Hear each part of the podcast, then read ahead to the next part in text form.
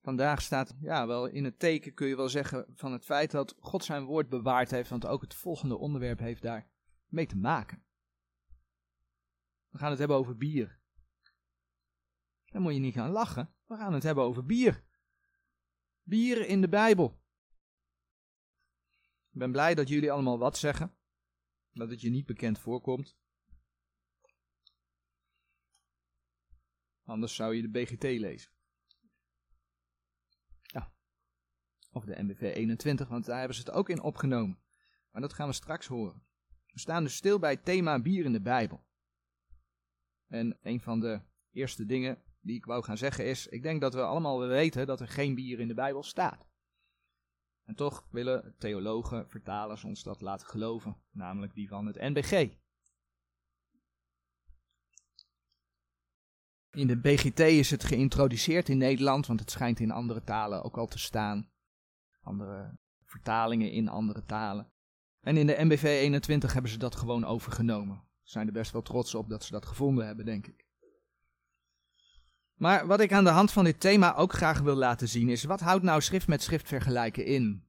Want wij doen dat, schrift met schrift vergelijken. We vergelijken verschillende teksten met elkaar. Maar wat is het nou eigenlijk? Is het dat het ook? Wie heeft dat bedacht? Is dat iets wat, wat mensen zelf bedacht hebben? Of is het iets wat de Heere God gegeven heeft? Belangrijke vragen. Maar twee weken geleden hebben we stilgestaan bij het thema Wat is waarheid? We zagen dat de Heer de waarheid is, omdat Hij niet liegen kan.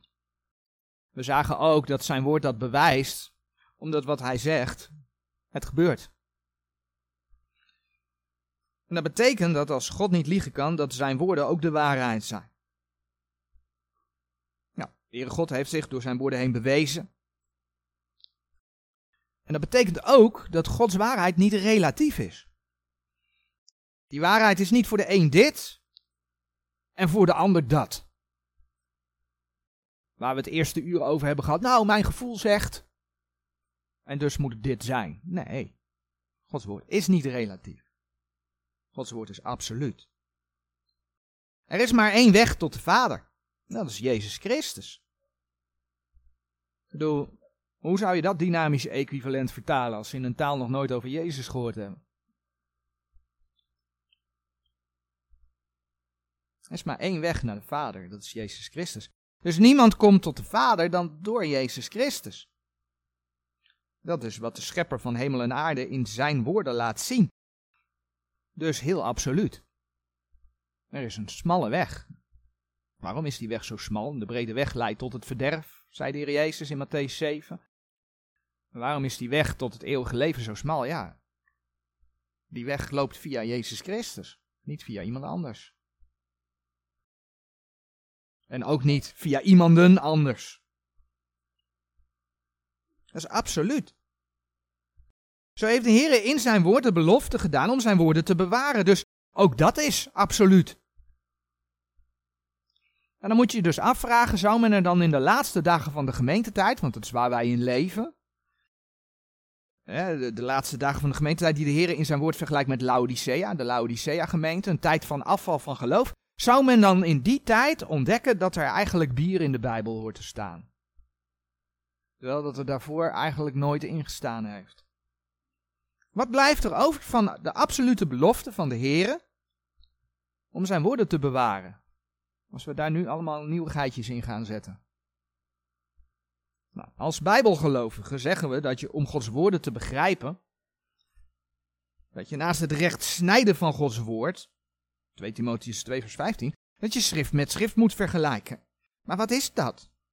Nou, het is bijvoorbeeld niet dat je een vers in zoveel mogelijk vertalingen gaat opzoeken. Want dat hoor je nog wel eens. Bijbelleraren die dat zeggen. Nou, als je de bedoeling van een vers wilt weten, de bedoeling, niet wat God zegt, maar als je de bedoeling van een vers wilt weten, moet je het in zoveel mogelijk vertalingen opzoeken. Maar wat je dan doet, is dat je de Statenbijbel gaat vergelijken met, komen ze in Nederlands, hè? dan hebben we het alleen over de Nederlandse nieuwe Bijbels. Hè? En ik mis er waarschijnlijk nog een paar, dus niet, niet compleet dat lijstje. Maar De MBG 51, groot nieuws, het boek Telos, MBV, Naardense Bijbel, BGT, MBV 21. Het zijn er heel wat tegenover de Statenbijbel.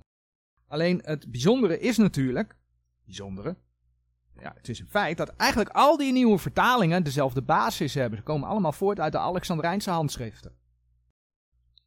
Dat betekent, als je ze gaat nalopen, dat ze eigenlijk nagenoeg allemaal dezelfde weglatingen en toevoegingen hebben, al verwoorden ze het allemaal een beetje anders. En soms maken ze dan de keuze om iets net even niet weg te laten, maar doorsnee zijn het dezelfde wijzigingen. En dan zou je dus tot de conclusie komen, als je zoveel vertalingen vergelijkt, nou, die spreken allemaal hetzelfde, dan zal die ene het wel fout hebben. En dan ga je dus het pad van de nieuwe vertaling op. Nieuwe vertalingen zijn, zoals ik al zei, min of meer door dezelfde bron tot stand gekomen. Alexandrijnse handschriften, maar dus ook een andere manier van vertalen. Waarin men met gevoel bezig is. Past ook wel hè, bij al die kerken die zo groot worden tegenwoordig zijn charismatische gemeenten zijn ook met gevoel bezig. Daarom juichen die ook zo hard als er dan een BGT uitkomt. Oeh, ik voel me er zo lekker bij. Ja, die vertalingen, uh, luister het bestandje van vanmorgen maar naar. Die worden met gevoel gemaakt. Maar het is dus een misleiding, een misleiding om je bij dit weg te krijgen. Want ik denk als veel mensen gaan vergelijken tegenwoordig, dat ze dit al niet eens meer doen, nee, dan nemen ze de MBG 51. En dan leggen ze daar het boek naast en de Bijbel en noem het maar op. Niet zoveel verschil hoor. Misschien net iets anders verwoord, maar. Dat is dus geen schrift met schrift vergelijken. Als je die vergelijkt met die of die met die, dat is geen schrift met schrift vergelijken. Schrift met schrift vergelijken is dat je over een onderwerp of een vers in het door de Here bewaarde woord van God, voor Nederland de Statenbijbel, dat je daarin op zoek gaat en daarin gaat kijken, oh God zegt over dit onderwerp op diverse plekken dit, en als je dan de verbanden ziet, ga je het geheel begrijpen. Nou, waarom? Waarom is dat? Omdat je dan de auteur van de schrift zijn eigen woorden laat uitleggen. Een vers als 2 Petrus 1 vers 20. Laten we het maar even lezen. 2 Petrus 1 vers 20. Dat zegt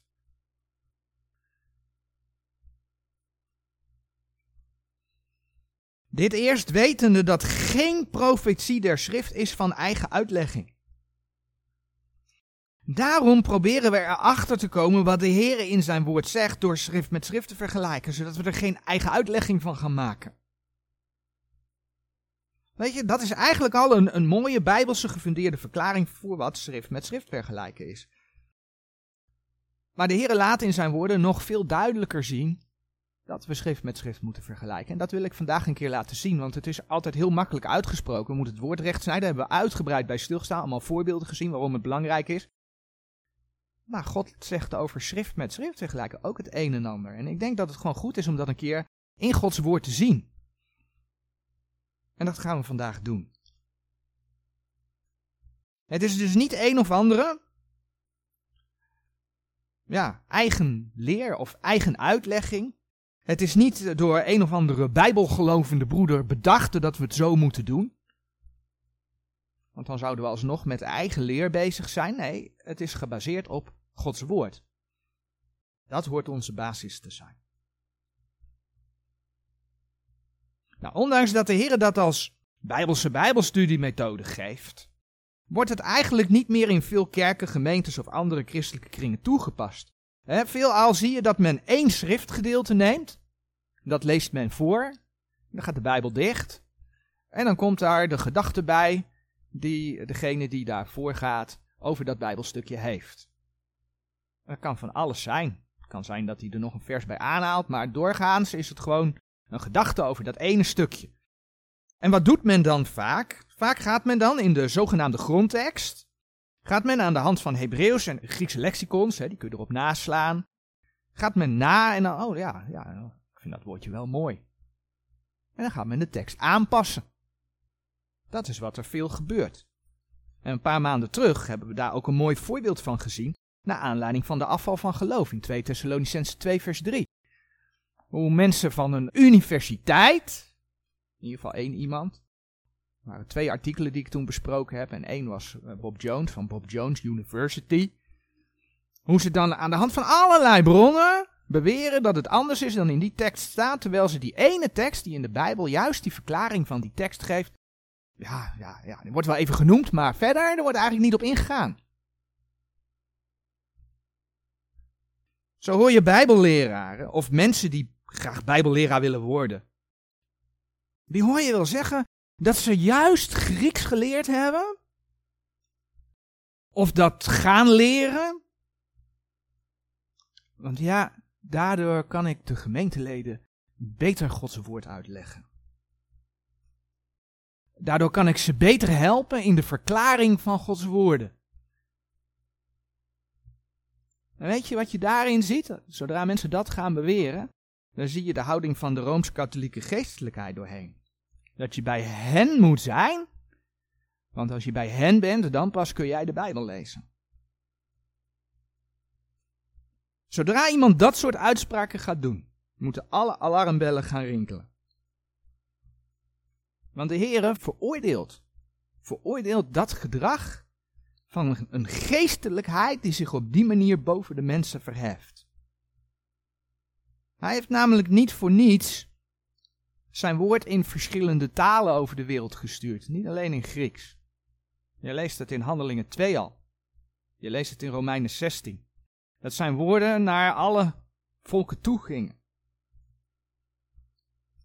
Hij heeft niet voor niets de belofte gedaan dat hij zijn woorden zou bewaren. Sterker nog, en dan bladeren we naar Jesaja 29. Sterker nog, de Heer verblindt hen dan zelfs. Als mensen zich zo gaan gedragen, dat ze zeggen van nou, ik ga Grieks leren, want dan kan ik de mensen beter helpen om de Bijbel uit te leggen. Dan zie je dat de Heere God zich gaat verblinden. En een heel mooi schriftgedeelte wat daarbij past vinden we in Jesaja 29 vanaf vers 9.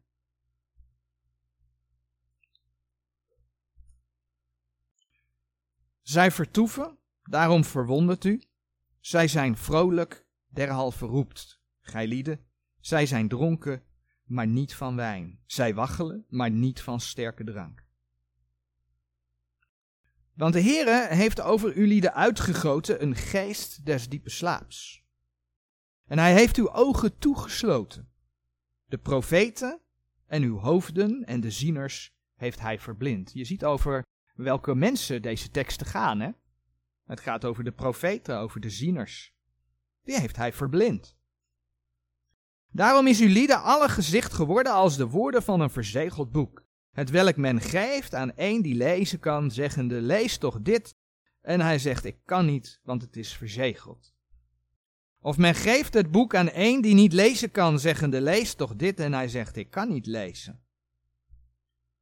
Want de Heer heeft gezegd, daarom dat dit volk tot mij nadert met zijn mond, en zij mij met hun lippen eren, doch hun hart verre van mij doen, en hun vrezen, waarmede zij mij vrezen, mensen geboden zijn die hun geleerd zijn. Daarom zie ik zal voorts wonderlijk handelen met dit volk, wonderlijk en wonderbaarlijk. Want de wijsheid zijner wijze zal vergaan, en het verstand zijner verstandige zal zich verbergen. Dat zijn woorden. Daar kun je ook Lucas 10, vers 21 bij opzoeken. Vers lezen we later vanmorgen nog. Wat hieruit blijkt is dat Gods woord verkondigen, Gods woord lezen, heeft dus eigenlijk helemaal niks met geleerdheid te maken. En we gaan daar nu niet uitgebreider op in, maar als je bijvoorbeeld in Openbaring 2 gaat lezen, dan lees je over de lering der Nicolaïten. Dat heeft te maken met een geestelijkheid die zich plaatst boven de, ja, binnen de katholieke kerk worden dan de leken genoemd, hè? De, gewone mensen. Dat is de lering der Nicolaïten. Gaan we nu niet verder op in. Maar in openbaring 2 vers 15 zegt de Heere God dat hij dat haat. Hij haat dat. Maar, maar de Heere God heeft toch zijn woord bewaard? Ja, dat heeft hij beloofd, heeft hij gedaan. Daarom kunnen we ook zo van overtuigd zijn dat we zijn woorden zonder schriftkritiek in Nederland ontvangen hebben in de Statenbijbel. Ja, wat God zegt, doet hij. Weet je, dan begint het begrijpen van Gods woord in de eerste plaats bij de wedergeboorte. Maar het mooie is dat we nou een aantal zondagen bij de waarheid hebben stilgestaan. En we hebben onder andere ook gezien dat je iets met die waarheid moet doen. Want je kunt die waarheid in boekvorm wel hebben, maar als je het naast je neerlegt en het niet uitleeft, of juist gaat zondigen, doof je de Heilige Geest. Dus het begint bij wedergeboorte. Vervolgens heeft het te maken met geloof. Geloof je ook daadwerkelijk, in het verleden hebben we bij die tekst stilgestaan, je kunt vinden in 1 Thessalonians 2 vers 13, geloof je ook daadwerkelijk dat die woorden die tot je komen, dat het Gods woorden zijn? Want het werkt in u die gelooft, staat er in 1 Thessalonians 2 vers 13. Ja, als je het zoals Eugenida niet gelooft, dan ben je in feite ben je een ongelovige. Dat woord kan niet in je werken. En vervolgens moet je dat woord ook nog benaderen. Het heeft allemaal niks met behoud te maken, hè? maar wel zodat je dat woord gaat begrijpen. Dat je dat woord gaat benaderen, ja, zoals de Heer dat in zijn woord laat zien. Zoals hij geopenbaard heeft. En wat betekent dat dan? Dat betekent dat elke wederom geboren gelovige de Gods woorden kan lezen. Iedereen kan het lezen. En ook nog, als jij je dus openstelt voor de Heer, als jij zijn woorden bewaart, als je er naar leeft, dat je dat woord ook nog kan gaan begrijpen. En er zullen best moeilijke stukken in blijven, maar ja. Je mag leren. Je mag leren. Wij leren door totdat we naar de Heer gaan en dan pas, dan pas is het volmaakt. Niet hier op aarde. Dus benader dat woord zoals de Heer het wil. Dat doe je door het woord recht te snijden, 2 Timotheus 2 vers 15. Dat doe je door schrift met schrift te vergelijken. Eigenlijk zoals Handelingen 17 vers 11 over de gelovige te Berea zegt. Handelingen 17 vers 11. Ook een vers wat we wel vaker gelezen hebben. Maar ja, dat hoort bij dit onderwerp. Handelingen 17 vers 11. En deze waren edeler dan die te Thessalonica waren, als die het woord ontvingen met alle toegenegenheid, onderzoekende dagelijks de schriften of deze dingen al zo waren. Onderzoekende dagelijks de schriften. En dan dus niet de Statenbijbel NBG, BGT, NBV 21 en weet ik veel wat allemaal. Nee, het door de Heer bewaarde woord, de Statenbijbel. Onderzoek de schriften. Dit boek, verzameling van boeken, de schriften, onderzoek die of het ook klopt wat er gezegd wordt. Dat is wat ze daar in Berea deden. En men deed dat dagelijks. Men deed dat dagelijks. Nu zijn wij dus gewend om schrift met schrift te vergelijken. En dat heb ik in het begin al aangegeven. Ik denk dat het goed is om toch ja, te zien dat het een door de Heer gegeven Bijbelstudiemethode is. Om daar wat teksten bij te zien. En dan gaan we dus het onderwerp bier gebruiken om te laten zien dat theologen nog zoveel kunnen beweren in deze eindtijd. Maar dat een ieder door schrift met schrift te vergelijken kan laten zien dat ze wel heel veel geld verdienen voor al die onzin die ze uitkramen. Want Gods woorden zijn absolute waarheid en hij heeft beloofd ze te bewaren. We gaan allereerst het schriftgedeelte lezen. 1 Korinthe 2. 1 Korinthe 2, vers 6. Vanaf daar lezen we een stukje. En wij spreken wijsheid onder de volmaakte, doch een wijsheid niet deze wereld, noch der overste deze wereld, die te niet worden. Maar wij spreken de wijsheid Gods, bestaande in verborgenheid die bedekt was, welke God tevoren verordineerd heeft tot onze heerlijkheid eer de wereld was welke niemand van de overste deze wereld gekend heeft, want indien zij ze gekend hadden, zo zouden zij de Heer der Heerlijkheid niet gekruist hebben. Maar gelijk geschreven is, hetgeen het oog niet heeft gezien en het oor niet heeft gehoord en in het hart des mensen niet is opgeklommen, hetgeen God bereid heeft, dien die hem lief hebben. De God heeft het ons geopenbaard door zijn geest, want de geest onderzoekt alle dingen, ook de diepten Gods. Want wie van de mensen weet hetgeen des mensen is dan de geest des mensen die in hem is? Alzo weet ook niemand hetgeen Gods is dan de geest Gods. Doch wij hebben niet ontvangen de geest der wereld, maar de geest die uit God is, opdat wij zouden weten de dingen die ons van God geschonken zijn. De welke wij ook spreken, niet met woorden die de menselijke wijsheid leert, maar met woorden die de Heilige Geest leert, geestelijke dingen, met geestelijke samenvoegende.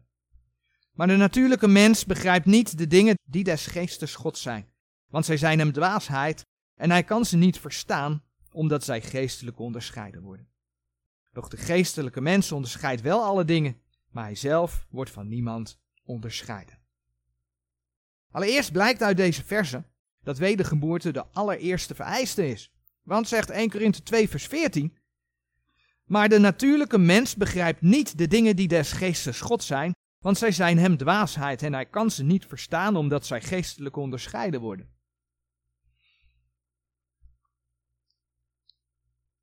Als je niet wederom geboren bent, dan kun je ervan uitgaan dat mensen dat woord niet zullen begrijpen. Tenzij zo'n persoon dat woord gaat lezen met een open hart en zegt: Heer God, wilt u uzelf aan mij openbaren? Dan geloof ik dat de Heer God wil duidelijk maken door zijn woord wie hij is. Want hij heeft niet voor niets zijn woorden gegeven. Maar in principe, iemand die Gods geest niet draagt, gaat er niks mee kunnen. Zeker niet als zo'n persoon ook nog avers is en zegt dat die woorden niet waar zijn. Dan kun je echt met Gods woord kun je alles bewijzen wat je wil. kun je de gekste dingen gaan doen. En dan vind je wel een bijbeltekst voor om, om dat te verantwoorden, zogenaamd. Omdat je de verbanden niet ziet, niet begrijpt. Als kind van God heb je zijn geest ontvangen, waardoor je mag weten de dingen die ons van God geschonken zijn, zegt vers 12 van 1 Korinthe 2.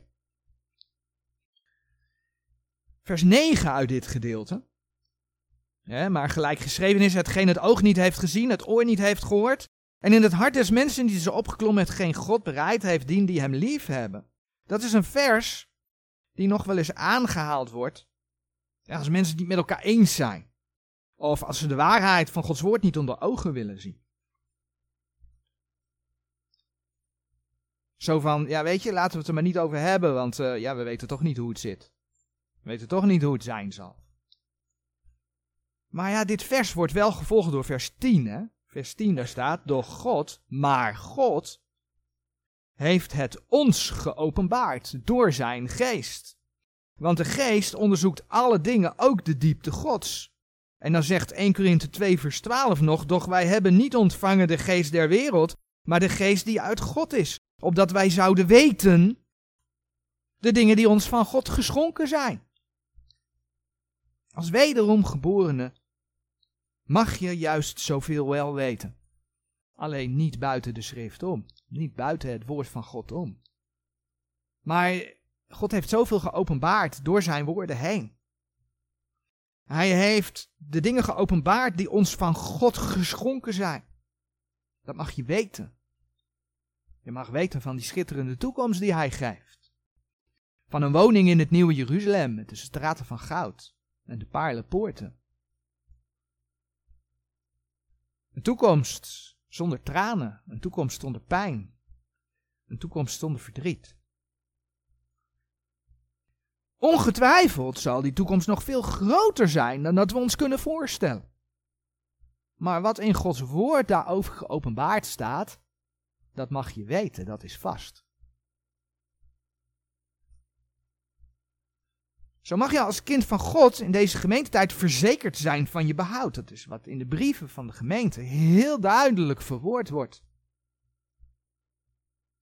Behoud door alleen het geloof in het volbrachte werk van Jezus Christus. Wat diverse kerkelijke instellingen en andere leraren ook beweren. Weet je, dit gedeelte laat zien dat het Gods geest is die die dingen onderzoekt en die je ze laat begrijpen. De Heer Jezus kondigde dat al aan toen hij op aarde was in Johannes 14, vers 26. Maar de trooster, de Heilige Geest, welke de Vader zenden zal in mijn naam, die zal u alles leren en zal u indachtig maken, alles wat ik u gezegd heb. En ja, dat soort teksten wordt uit de context getrokken door allerlei charismatische bewegingen.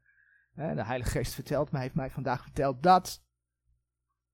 Nee mensen, het gaat om Gods woord. Het gaat om de woorden van de Heer. Hij heeft laten zien dat hij apostelen en profeten gegeven heeft, zijn woord geopenbaard heeft. Apostelen en profeten zijn er vandaag de dag niet. Gods woorden vinden we in, in de schrift. Hij wil je in al de waarheid leiden. Mits je naar de geest wilt wandelen en zijn woord wilt bewaren en zijn woord gehoorzaam wilt zijn. En het vervolgens ter hand neemt en het ook nog eens een keer bestudeert door het recht te snijden. Want dat is toch wat de Heer in 2 Timotheus 2 vers 15 zegt. Maar ook door zijn woord te leren zoals 1 Korinthe 2 vers 13 zegt. 1 Korinthe 2 vers 13. De welke wij ook spreken niet met woorden die de menselijke wijsheid leert, maar met woorden die de Heilige Geest leert, geestelijke dingen met geestelijke samenvoegende. Maar wat betekent dat dan? Maar met woorden die de Heilige Geest leert, geestelijke dingen met geestelijke samenvoegen. Wat betekent dat? Nou, de woorden die de Heer spreekt zijn geestelijke woorden. Dat vind je heel mooi omschreven. In, in, we komen zo terug weer bij 1 Korinthe 2. Maar je vindt dat heel mooi omschreven in Johannes 6. Johannes 6, vers 63. Waar heel veel mensen overigens in die context daar de Heeren verlieten, omdat zijn woorden zo hard waren. Tegenwoordig proberen ze het zo gevoelig zacht te maken dat mensen dat boek wel blijven lezen of zo. Alleen ondertussen is het wel leer van Rome die je voorgeschoteld krijgt. En die, waarvan alles uitgehaald is. Maar Johannes 6, vers 63 zegt de Heer: De geest is het die levend maakt, het vlees is niet nut. De woorden die ik tot u spreek zijn geest en zijn leven. Dat zijn geestelijke woorden. De woorden van de Heer Jezus, de woorden van de Heer God zijn geest en leven. Maar ja, 1 Korinthe 2 vers 13 spreekt toch over geestelijke dingen. Geestelijke dingen met geestelijke samenvoegende. Maar als je naar de hele context van 1 Korinthe 2 vers 13 gaat kijken, dan zie je dat het over woorden gaat. Kijk maar in vers 4. Kijk maar in vers 6, daar gaat het over het spreken van wijsheid. Maar als je spreekt, gebruik je woorden. Vers 7, idem dita. Vers 9 van de context van 1 Korinthe 2 gaat over het geschrevene. Maar schrijven, dat doe je ook met woorden. En vers 13 noemt weer letterlijk de woorden. Dus wanneer je geestelijke dingen met geestelijke moet samenvoegen, dan moet je dus geestelijke woorden met geestelijke woorden samenvoegen. Je brengt verschillende delen uit de schrift met elkaar in verband. Of je ziet door verschillende dingen in de schrift met elkaar te vergelijken, dat ze elkaars tegenpolen zijn. Komt ook voor. Hè? Niet dat het elkaar tegenspreekt. Maar ik noem maar wat. Als gelovigen weten we dat we niet voor het laatste oordeel komen, maar voor de rechterstoel van Christus. Dat zijn twee verschillende dingen. Dat leer je door schrift met schrift te vergelijken. Dus wat je hier leest is dat je schrift met schrift moet vergelijken. Je moet geestelijke dingen met geestelijke samenvoegen. En je moet niet, wat ze in Alexandrië deden, een beetje filosofie van de mensen erbij nemen, dat er doorheen mengen. Nee, je moet de schrift zichzelf laten uitleggen. En zo kom je het ook in bijvoorbeeld Jesaja 28, vers 9 en 10 tegen. Jesaja 28. Soms wordt er wel gezegd, en ik snap dat hoor. Maar waarom is die Bijbel, waarom is het zo'n moeilijk boek? Waarom heeft de Heere God het niet gewoon letterlijk hè, van A tot Z uitgeschreven, zo is het? Nou, eigenlijk heeft hij dat gedaan. Hij heeft in zijn woord allerlei dingen uitgeschreven. En hij zegt: Dit is de waarheid, dus zo is het. Alleen ja, hij heeft daar wel iets voor gekozen, want hij wil dat je een arbeider in zijn woord bent. Hij wil dat je ermee bezig gaat. En ja, wat hij ook laat zien is dat als je zijn waarheid verwerpt, dat hij een geest van dwaling stuurt. Dus zijn woord is te gebruiken om er van alles mee te maken. En dan gaat hij je veroordelen, omdat je zijn woord zijn verband hebt getrokken, omdat hij, noem het maar op. Ik hoef alleen maar aan uh, het grootste instituut op deze aarde te denken, de Rooms-Katholieke Kerk, die die rol in de grote verdrukking vervult, waar we het eerste uur over hadden. Jesaja 28 vers 9 en 10. Te midden van een beschrijving van allerlei gerichten, lees je daar het volgende. Wie zou hij dan de kennis leren? En wie zou hij het gehoorde te verstaan geven? De gespeende van de melk, de afgetrokkene van de borsten.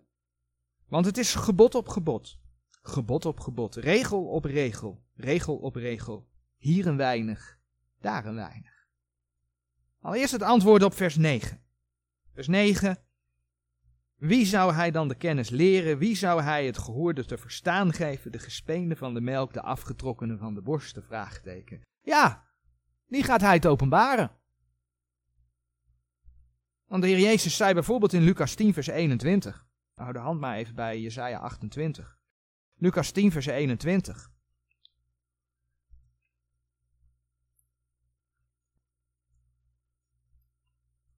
Te die uren verheugde zich Jezus in de geest en zeide: Ik dank u, Vader, Heere des hemels en der aarde, dat gij deze dingen voor de wijze en verstandigen verborgen hebt, en hebt dezelfde de kinderkens geopenbaard. Mooi hè? Heer Jezus geeft antwoord op die vraag uit het Oude Testament. Ja, Vader, want al zo is geweest en welbehagen voor u. Gij hebt het de kinderkens geopenbaard. En de geschiedenis heeft bewezen dat de Heer de waarheid in deze versen gesproken heeft zij die zogenaamd wijs en verstandig zijn, hebben zich gevuld met heidense filosofie, zelfs met occultisme, in hun afkeer van Gods woord. Morgen hebben we daar een voorbeeld van gehoord, niet zozeer het occultisme, maar wel de afkeer van Gods woord. Zij die kinderlijk afhankelijk van de Heer hebben aangenomen. Die kinderlijk afhankelijk de Heer hebben aangenomen. En hem geloven, dus van hem aannemen en hem volgen op zijn woord, die beschermt hij. En openbaart hij de betekenis van zijn woorden. Ja, en dan lees je nogmaals Jezaja 28 vers 10. Want het is gebod op gebod, gebod op gebod, regel op regel, regel op regel. Hier een weinig, daar een weinig. Als kleine kinderen maakt de Heer de zijne zijn woorden duidelijk, gebod op gebod, regel op regel. En sommige regels breidt hij dan wat verder uit, waardoor je hier een weinig en daar een weinig vindt. Ja, en dat kun je dus door schrift met schrift vergelijken met elkaar, in verband brengen, in verbinding brengen. Om het grotere geheel te gaan begrijpen. Maar wat hij ook uitspreekt, gebod op gebod, gebod op gebod, regel op regel, regel op regel, daar spreekt ook een stukje herhaling doorheen. Als mens leer je door herhaling, hè? dat begint bij kleine kinderen. Die gaan papa en mama nadoen. Soms is dat leuk, soms niet. Ja, dat zit ook in de zondige natuur, hè. Maar herhaling is wel waardoor mensen leren. Op school ook. Voor sommige mensen tot in de treuren toe hetzelfde doen. Voor een ander kan het niet genoeg zijn, maar herhaling is waardoor mensen leren. Nou, dat is met Gods woord dus net zo. Is in het geestelijk leven net zo. Je hebt als mens nodig om bij herhaling Gods woorden te horen en daardoor te leren. En dat is ook de reden waarom het zo goed is om gewoon één keer per jaar die hele Bijbel door te lezen. Elk jaar weer. Niet denken van, nou, dat heb ik één keer een jaar gedaan en daarna zien we wel weer. Nee, elk jaar opnieuw die Bijbel doorlezen. Dat kan aan de hand van zo'n Bijbelleesrooster. Maar je kunt ook heel gewoon het aantal bladzijden in je Bijbel nemen, delen door 365. En dan weet je hoeveel bladzijden je moet lezen per dag om die hele Bijbel door te lezen. Maar het is goed om het woord van God tot je te nemen. Bij herhaling, want daar ga je van leren. Daar ga je op een gegeven moment ook verbanden, ga je leggen. Kom je opeens bij een deel, denk je, nou, dat heb ik toch echt al wel gelezen, maar helemaal nieuw. Is niet helemaal nieuw, maar opeens vallen je dingen op en dan ga je leren. Zo staat er in Filippenzen 3, vers 1. Filippenzen 3, vers 1. Het gaat eigenlijk maar om een klein woordje in dat vers. Maar Paulus laat daar wel iets door zien. Voorts, mijn broeders, verblijd u in de Here. Dezelfde dingen aan u te schrijven is mij niet verdrietig en het is u zeker. Het gaat eigenlijk om dezelfde dingen. Dezelfde dingen. Paulus schreef dezelfde dingen. Waarom schrijf je het nou alweer dan? Ja, dezelfde dingen. Dat heb je blijkbaar nodig om het weer te horen, weer te lezen. Nou, en omdat het hier een weinig en daar een weinig is, leer je de betekenis van bijbelse woorden, van bijbelse begrippen, bijbelse versen, door schrift met schrift te vergelijken. En zo doorzoek je de schrift, zoals de gelovigen te Berea dat in Handelingen 17 vers 11 deden. En dan ga je er niet over filosoferen, dan ga je niet allerlei filosofen raadplegen. Dan ga je niet al die nieuwe vertalingen raadplegen. Maar dan zie je wat de Heer te zeggen heeft. Gods woord is dan je toetsteen. En dan ga je de diepte Gods, 1 Korinthe 2 vers 10 spreekt daarover. En dan ga je de diepte Gods ga je begrijpen. Ja, en dan dat voorbeeld. Bier in de Bijbel. Het NBG heeft daar, toen ze met de BGT kwamen, de Bijbel in gewone taal. Ik denk dat het geen geheim is dat ik hem omgedoopt had tot een bijzonder giftige tekst. Het wordt als Bijbel gebracht. Eigenlijk is het geen Bijbel, het is geen vertaling, het is een, een parafrase. Daar waar ze op alle vertalingen het dynamisch equivalente vertalen toepassen, wat dus eigenlijk al geen vertalen meer is. Daar gaat dit verder. Dit is een gedachte voor gedachte vertaling. Dat zeggen ze ook gewoon zelf. Het gaat om de gedachte die de vertaler erbij had en dat vertalen ze dan. Maar goed, dit, dit is door de mensen heel goed ontvangen. de Bijbel in Jip en Janneke taal. Welke volwassene wil nou nog Jip en Janneke lezen? Nou, in de christelijke kerk willen ze allemaal Jip en Janneke lezen. Toen ze met die Bijbel kwamen, toen hebben ze eigenlijk ook in een, nieuwsbrief die je dan kreeg, je krijgt een nieuwsbrief van het MBG in de mail, ja, breed uitgemeten dat er bier in de Bijbel staat. Ik weet het niet meer, ik geloof dat dit die nieuwsbrief is. En nu staat er een artikel op de site. Het is een bewerking van toen die nieuwsbrief. En daar gaan we dan zo wat dingen uit lezen en horen. Maar ze hebben dat toen gebracht. Wil je meer lezen, want ik ga verder niet echt op de BGT in. Wil je meer horen, kijken over die BGT? Waarom we tot de conclusie komen dat het een bijzonder giftige tekst is. Op ons BitShoot kanaal van Bijbel en Geloof staan twee video's over de BGT. Maar dat dus even terzijde. Volgens een oud-testamenticus van het NBG is bier gewoon een betere vertaling. En daarmee heb ik een heel klein zinnetje geciteerd. Het is gewoon een betere vertaling. Nou, zodra ze dat gaan zeggen, dan moet je je gaan vragen, is dat ook zo? Nou, daar gaan we dan bij stilstaan. In Gods woord laten we Lucas 1 vers 15 opzoeken. Lezen we in dat vers, in Lucas 1 vers 15 het volgende.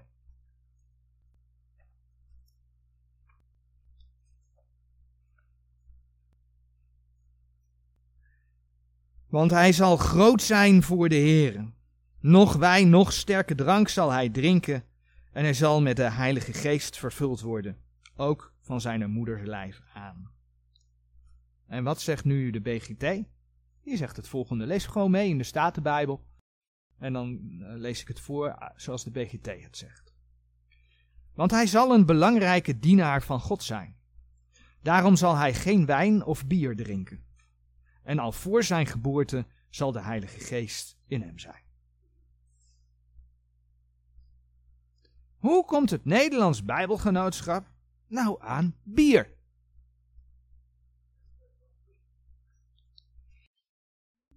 Ja, we willen populair zijn en iedereen drinkt bier tegenwoordig, dus we moeten ook bier in de Bijbel hebben. Ja, ja zoiets.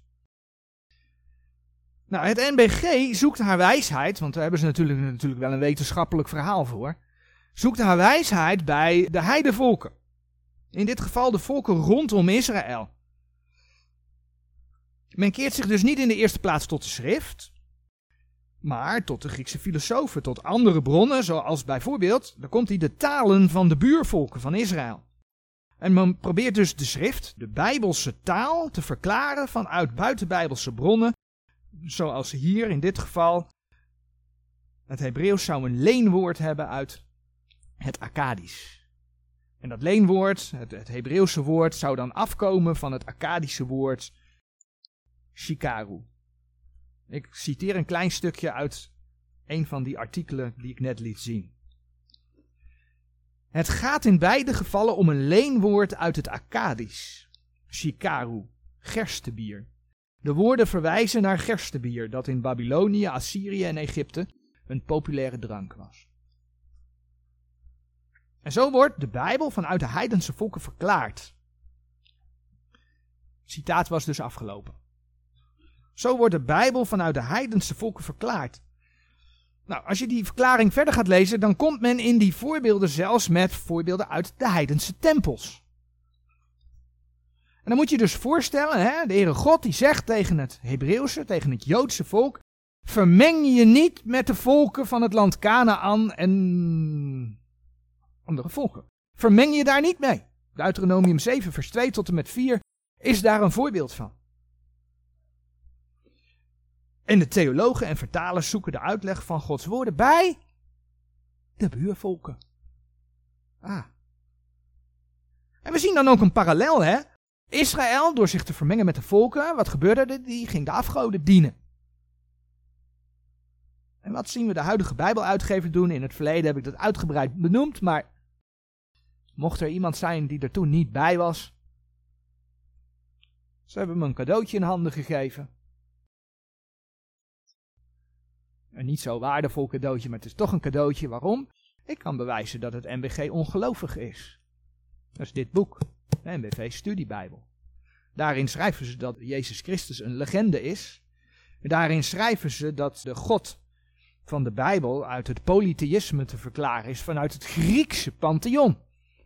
Ik heb de bladzijde hier staan. Iemand die dat nog niet eerder gezien heeft, mag het straks gewoon rustig even komen lezen. En zo is er veel meer te vinden hoor. Ik noem maar even nu twee voorbeelden, want we gaan het verder niet over de NBV-studiebijbel hebben. Maar dat zijn toelichtingen die het NBG geeft bij de Bijbeltekst. Dat is ongeloof, dat is afgoderij. Dus daar waar Israël door vermenging met de volken kwam tot afgoderij, daar zie je dat het NBG door vermenging met de buurvolken van Israël komt tot afgoderij. En niet alleen het NBG, hè. ik heb het gehad vanmorgen over de United Bible Societies.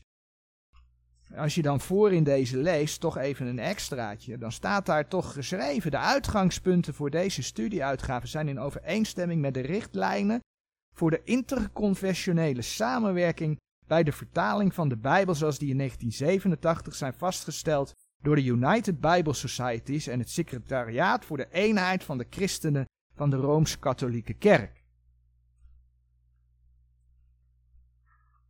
Duidelijk toch? Maar laten we nu eens kijken door schrift met schrift te vergelijken of het wel klopt dat het MBG beweert dat er bier in de Bijbel staat.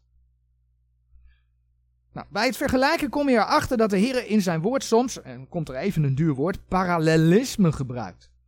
Dat heeft de Heer onder andere gedaan, zodat mensen door schrift met schrift vergelijken de woorden in zijn woord kunnen gaan begrijpen. Nou, ik ga daar drie voorbeelden van geven. Je mag de teksten opzoeken, maar staan op de dia. Ik ga ze gewoon even langslopen. In 1 Samuel 9 vers 9, daar staat, eertijd zeide en ieder al dus in Israël, als hij ging om God vragen, komt en laat ons gaan tot de ziener, want die heden een profeet genoemd wordt, die werd eertijds een ziener genoemd. Nou, hier zie je gewoon dat de Heer zelf uitlegt dat een profeet een ziener is. Het is gewoon een, een simpel voorbeeldje dat God zijn woord zelf uitlegt. En dit is dan nog niet eens met een tekst hier en een tekst daar, maar binnen een vers. 1 Petrus 3 vers 10. Want wie het leven wil liefhebben en goede dagen zien, die stillen zijn tong van het kwaad en zijn lippen dat zij geen bedrog spreken. Hier staan twee zinnen aan het eind. Stillen zijn tong tot het kwaad en zijn lippen dat zij geen bedrog spreken. is eigenlijk dezelfde inhoud. Maar mocht je niet weten wat het ene inhoudt, het andere verduidelijkt het. Hebreeën 3 vers 9. Alwaar mij uw vaders verzocht hebben. Zij hebben mij beproefd. En hebben mijn werken gezien veertig jaren lang. verzocht is dus hetzelfde als beproefd. Gods woord verklaart zichzelf. En zo zijn er vele voorbeelden meer in Gods woord te vinden. Het toont dus aan dat je naast het feit dat je alle teksten over een bepaald woord kunt opzoeken, dat Gods woord zichzelf uitlegt, zich, zich verduidelijkt, zich verklaart door middel van schrift met schrift vergelijken, gebod op gebod, regel op regel. Nou, dat geldt ook voor het woordje wijn en voor het woordje sterke drank. Want daar waar er dus bier staat in de nieuwe vertaling van het Nederlands Bijbelgenootschap, er staat sterke drank in de oude vertaling. Zo zijn er teksten die doen vermoeden dat het bij wijn en sterke drank eigenlijk om hetzelfde gaat. Nou, een voorbeeld daarvan vinden we in Jesaja 24 vers 9.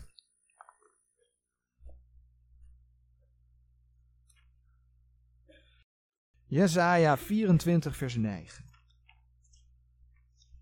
In dat vers lezen we, zij zullen geen wijn drinken met gezang, de sterke drank zal bitter zijn, degene die hem drinken. Het zou hier om hetzelfde kunnen gaan. Jesaja 56 vers 12.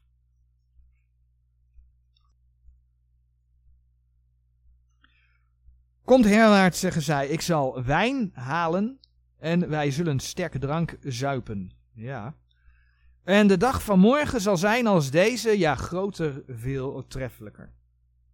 Het zou hier om hetzelfde kunnen gaan. Dat is nog niet gezegd, maar het zou kunnen.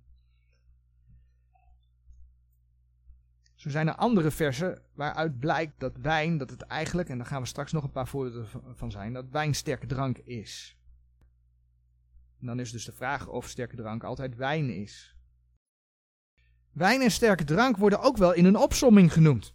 En als je het in een echte opsomming leest, nou, dan zou het dus om twee verschillende dingen kunnen gaan. Nummer 6 vers 3. Je vindt het ook in Micha 2 vers 11, ook in Lucas 1 vers 15, het vers wat we net gelezen hebben.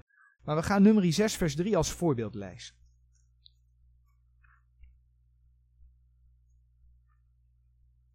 Nummer 6 vers 3.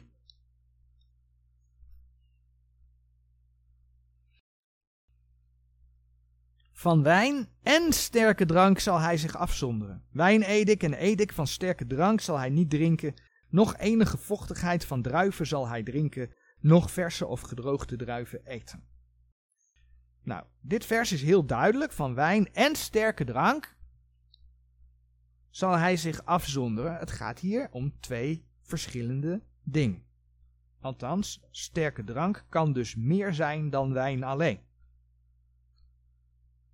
Maar dan is dus de vraag: kun je dan sterke drank door een hele specifieke soort bier, want dat is wat ze doen, vervangen?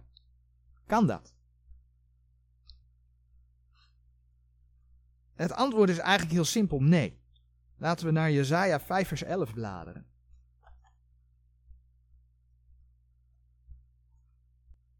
Jesaja 5 vers 11.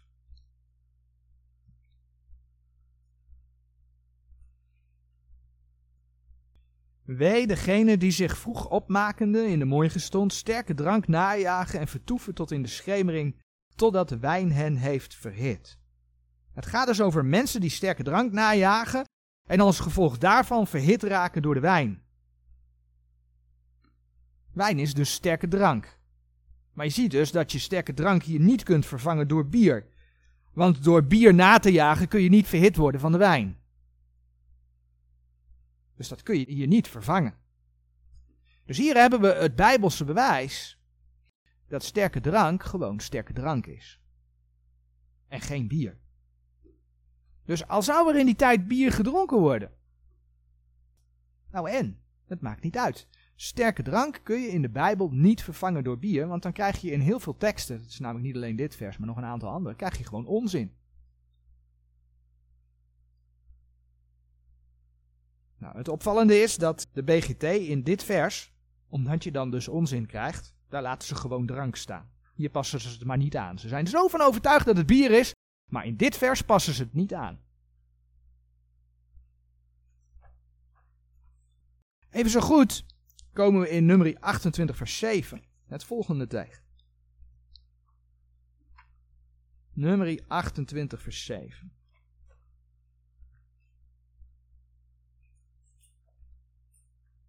En zijn drankoffer zal zijn het vierendeel van een hin voor het ene lam, in het heiligdom zult gij drankoffer des sterke dranks den Heere offeren. En dan zegt het veertiende vers. En hun drankoffers zullen zijn de helft van een hin tot een var, en een derde deel van een hin tot een ram, en een vierde deel van een hin van wijn tot een lam. Dat is het brandoffer der nieuwe maan in elke maand naar de maanden des jaars. Daar waar in vers 7 gesproken wordt over sterk drank. Ja, het drankoffer des sterke dranks. Daar wordt dus in vers 14 gesproken over wijn. Wijn is hier dus de sterke drank. Vandaar dat je bijvoorbeeld in eh, Leviticus 23, vers 13 ook spreekt over niet het drankoffer van sterke drank, maar over het drankoffer van wijn. Dus je kunt het hier opnieuw niet vervangen door bier, want dan zou je dus opnieuw iets onzinnigs krijgen. Maar uit deze versen blijkt dan ja, eigenlijk de dubbele bodem van het MBG, hè, zoals het in het ene vers niet aanpaste. Zo proberen ze in deze verse iets te verbergen, want in de BGT spreken ze hier niet van bier. In vers 7, hè, waar sterke drank staat, zou je verwachten, als ze zo overtuigd zijn dat het bier is, moet je door bier vervangen, doen ze niet. Maar ze hebben daar ook niet sterke drank laten staan. Ze hebben daarvoor sterke drank zelf maar vast wijn ingevuld. Dus de link leggen in de BGT, dat je het een niet door het ander kunt vervangen, omdat er dan in het ene vers wat anders staat dan in het andere, dat kun je in de BGT niet meer doen. Schrift met schrift vergelijken gaat in de BGT niet meer op. Ze hebben het alvast voor jou vervangen. Eigenlijk om hun eigen aanpassingen ja, te verbloemen. Ik hoop dat jullie zien dat schrift met schrift vergelijken aantoont dat sterke drank in elk geval wijn kan zijn. In sommige gevallen ook een andere sterke drank. Maar dat je sterke drank dus niet kunt vervangen door bier. Want dat gaat tegen de schrift in. En dat is dan ook gewoon het vervalsen van de schrift. Om proberen, zoals we al zeiden, ja, populair te zijn bij mensen. Maar ook een centenkwestie. Want zodra we er weer nieuwe woordjes in zetten, kunnen we weer een nieuwe Bijbel uitgeven. En dat doen we dan weer eh, zoveel duizend exemplaren keer. NBG vraagt er minimaal 30 tot 40 euro per exemplaar. Tel maar uit. Laten de persen maar draaien. En dan zegt 2 Korinthe 2 vers 17. 2 Korinthe 2 vers 17.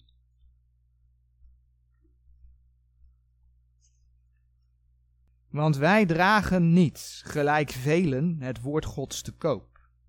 Maar als uit oprechtheid, maar als uit God, in de tegenwoordigheid Gods, spreken wij het in Christus. Maar wij dragen niet gelijk velen het woord Gods te koop. Want dat is het, men past Gods woord weer aan om meer te kunnen verkopen. Allemaal een centenkwestie. En de Heer haat dat gedrag van geleerde koopmannen want dat zijn het eigenlijk, geleerde koopmannen. Ze drijven handel met Gods woord, ze dragen het te koop. Die zo ten koste van zijn woord over mensen regeren. Als kind van God mag je weten dat de Heer zijn woord bewaard heeft. Dat is absolute waarheid. Dat er in de eindtijd opeens bier zou moeten staan, klopt dus niet. Ook jij kunt zijn woorden lezen in de Statenbijbel door schrift met schrift te vergelijken. Dat is geen uitvinding van bijbelgelovende broeders, maar dat is heel gewoon zoals de Heere laat zien dat Hij wil dat je zijn woord leest. Amen.